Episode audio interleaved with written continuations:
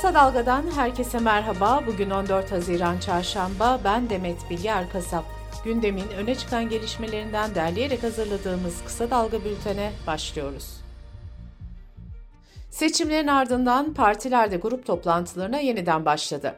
CHP Genel Başkanı Kemal Kılıçdaroğlu partisinin grup toplantısında seçim sonuçlarına ve kendisine yönelik eleştirilere değindi. Kazanamadık diyen Kemal Kılıçdaroğlu, gemiyi limana sağlam götüreceğimi herkes bilsin. Değişimin önünü mutlaka açacağım diye konuştu. Eleştirilerin doğal olduğunu söyleyen CHP lideri, ama kalemi eline alıp da ön yargıyla hareket edenlerin gazeteciliğini sorgulamakta benim görevimdir ifadesini kullandı. CHP'de parti içinde değişim sesleri yükselirken genel başkanlık için adaylık konusunda bazı isimlerde konuşulmaya başlandı. Kulislerde Özgür Özel ve Ekrem İmamoğlu'nun isimleri geçiyor. Genel başkan adaylığı ile ilgili son açıklama ise Gürsel Tekin'den geldi. Adaylık için genel başkanın çekiliyorum demesi gerektiğini belirten Gürsel Tekin, genel başkanın karşısında aday olmam dedi. İstanbul Büyükşehir Belediye Başkanı Ekrem İmamoğlu hakkında Beylikdüzü Belediye Başkanlığı dönemine ilişkin ihaleye fesat karıştırma suçlamasıyla açılan davanın ilk duruşması 15 Haziran'da Büyükçekmece Asliye Ceza Mahkemesi'nde görülecek. Dava ile ilgili açıklama yapan İstanbul Büyükşehir Belediye Başkan Danışmanı Murat Ongun, Ekrem İmamoğlu ne zaman değişim dese, meydana çıksa karşısına uydurma davalar çıkıyor dedi.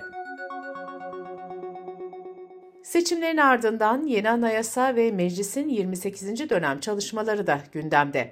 AKP Grup Başkan Vekili Emin Akbaşoğlu, 28. dönemin ilk kanun teklifinin en düşük memur maaşının 22 bin lira olarak düzenleneceği teklif olacağını söyledi.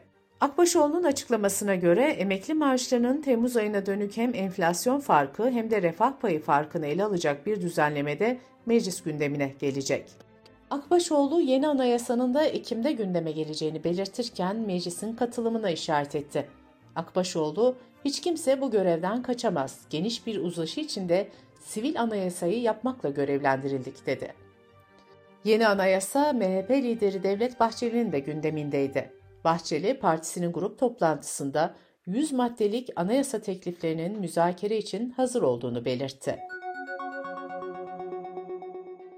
Agos gazetesi genel yayın yönetmeni Hrant Dink'in öldürülmesine ilişkin dava kapsamında haklarında suç duyurusunda bulunan Erhan Tuncel, Ramazan Akyürek, Yasin Hayal ve Ali Fuat Yılmazer'in de aralarında bulunduğu 11 sanık hakkında yeni dava açıldı. 11 sanık anayasal düzeni ortadan kaldırmaya teşebbüs, silahlı terör örgütüne üye olmak ve kasten öldürme gibi suçlardan bugün hakim karşısına çıkacak. Deprem bölgesinden yüksek öğretim kurumları sınavına başvuran adaylara sağlanan ulaşım ve barınma desteği başvuruları 15 Haziran Perşembe gününe kadar uzatıldı. Sınava giriş belgesi ve ikametgah belgesiyle birlikte valilik ve kaymakamlıklara şahsen başvuru yapılabilecek. Kısa Dalga Bülten'de sırada ekonomi haberleri var. İşçi, işveren ve hükümet temsilcilerinden oluşan Asgari Ücret Tespit Komisyonu ara zam oranını belirlemek için ilk toplantısını dün yaptı.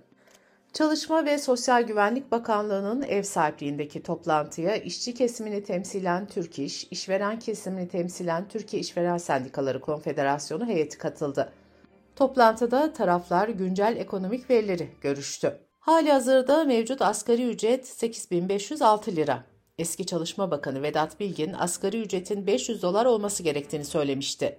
Ancak işveren tarafı buna sıcak bakmıyor. Türkiye İstatistik Kurumu'nun 2022 yılı Türkiye Sağlık Araştırması raporunda çarpıcı sonuçlara yer verildi. Rapora göre 2010 yılında toplumun %57'si günde bir kez meyve yiyebilirken 2022 yılında bu oran %36,5'a geriledi. 2022 yılında 15-24 yaş grubunun sadece %28.4'ü günde bir kez meyve yedi. Araştırmaya göre aynı yaş grubunun sadece %35'i günde bir kez sebze yiyebiliyor. CHP Malatya Milletvekili Veli Ağbaba, yılın ilk 5 ayında 60.093 esnafın iflas ettiğini söyledi. Ağbaba'nın verdiği bilgilere göre geçen yıl ise yılın ilk 5 ayında iflas eden esnaf sayısı 47.128'di. Bu verilere göre iflas oranı %28 artmış oldu. Merkez Bankası Başkanlığı'na atanan Hafize Gaye Erkan, bankada ilk görev değişikliğine imza attı. Bankanın İletişim ve Dış İlişkiler Genel Müdürü Gizem Uzuner'in görevden alındığı belirtildi. Uzuner'in kurumda kalıp kalmayacağı ise henüz netleşmedi. Dış politika ve dünyadan gelişmelerle bültenimize devam ediyoruz. Türkiye, Finlandiya, İsveç ve NATO heyetlerinin yer alacağı daimi ortak mekanizmanın dördüncü toplantısı bugün Ankara'da yapılacak. Toplantı, Cumhurbaşkanı Başdanışmanı Büyükelçi Akif Çağatay Kılıç'ın ev sahipliğinde saat 9'da Beştepe'de gerçekleştirilecek. Toplantıya NATO Genel Sekreter Kabine Şefi, İsveç Dışişleri Bakanlığı Devlet Sekreteri ve Finlandiya Dışişleri Bakanlığı Daimi Devlet Sekreteri katılacak. NATO üyeliği yaklaşık bir yıldır Türkiye engeline takılan İsveç'te Haziran ayının başında yürürlüğe giren yeni terörle mücadele yasaları terör suçlarına ağır cezalar getirmişti. Stockholm bu kapsamda PKK'ya destek verdiği öne sürülen ve uyuşturucu suçundan tutuklanan bir kişiyi Türkiye'ye iade etmeye karar verdi. İsveç'le ilgili yeni bir gelişme daha yaşandı. İsveç polisinin güvenlik gerekçesiyle getirdiği Kur'an yakma yasağını kaldıran İdare Mahkemesi kararı İsveç Yüksek Mahkemesi'nce onandı. Kur'an yakma eylemleri NATO üyelik için bekleyen İsveç'in Türkiye ile olan ilişkilerini zora sokmuştu.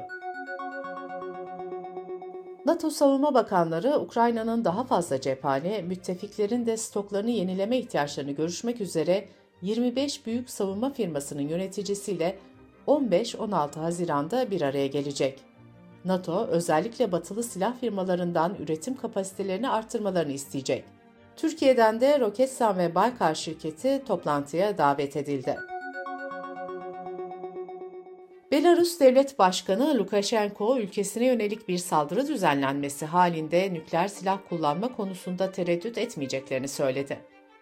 Rusya Devlet Başkanı Putin 7-8 Temmuz'dan sonra taktik nükleer silahları Belarus'a yerleştireceklerini açıklamıştı. İran Cumhurbaşkanı İbrahim Reisi, Latin Amerika turunun ilk durağı olan Venezuela'da Cumhurbaşkanı Nicolas Maduro ile görüştü. İki ülke arasında ticaret ve işbirliğini kapsayan 25 anlaşma imzalandı. Avrupa Parlamentosu milletvekillerinin belirleneceği 2024 yılındaki seçimler için Belçika'da oy kullanma yaşı 16'ya düşürüldü. Avrupa Birliği'ne üye ülkelerin genelinde 18 yaş ve üzerindekiler oy verme hakkına sahip. Ancak bunun istisnaları var.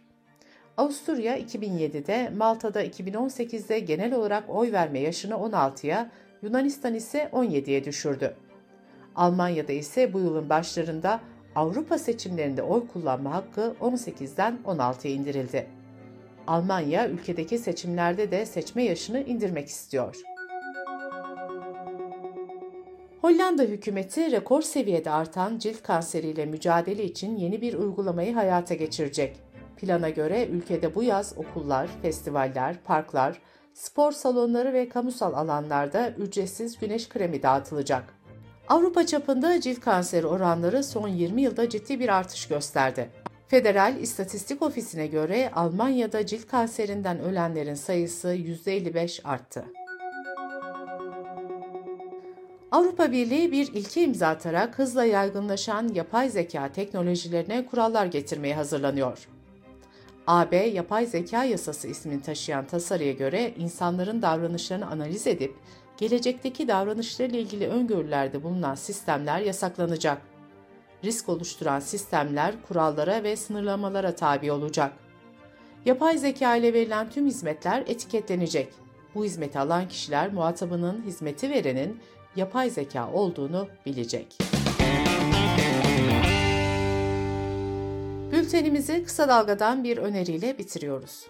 Yeşim Özdemir, seçimle birlikte tekrar gündeme gelen Türkiye'nin Avrupa Birliği üyelik sürecini tartışmaya açıyor, uzmanların görüşlerini aktarıyor.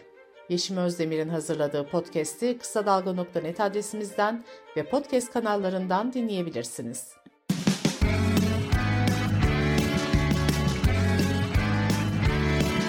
Kulağınız bizde olsun. Kısa Dalga Podcast.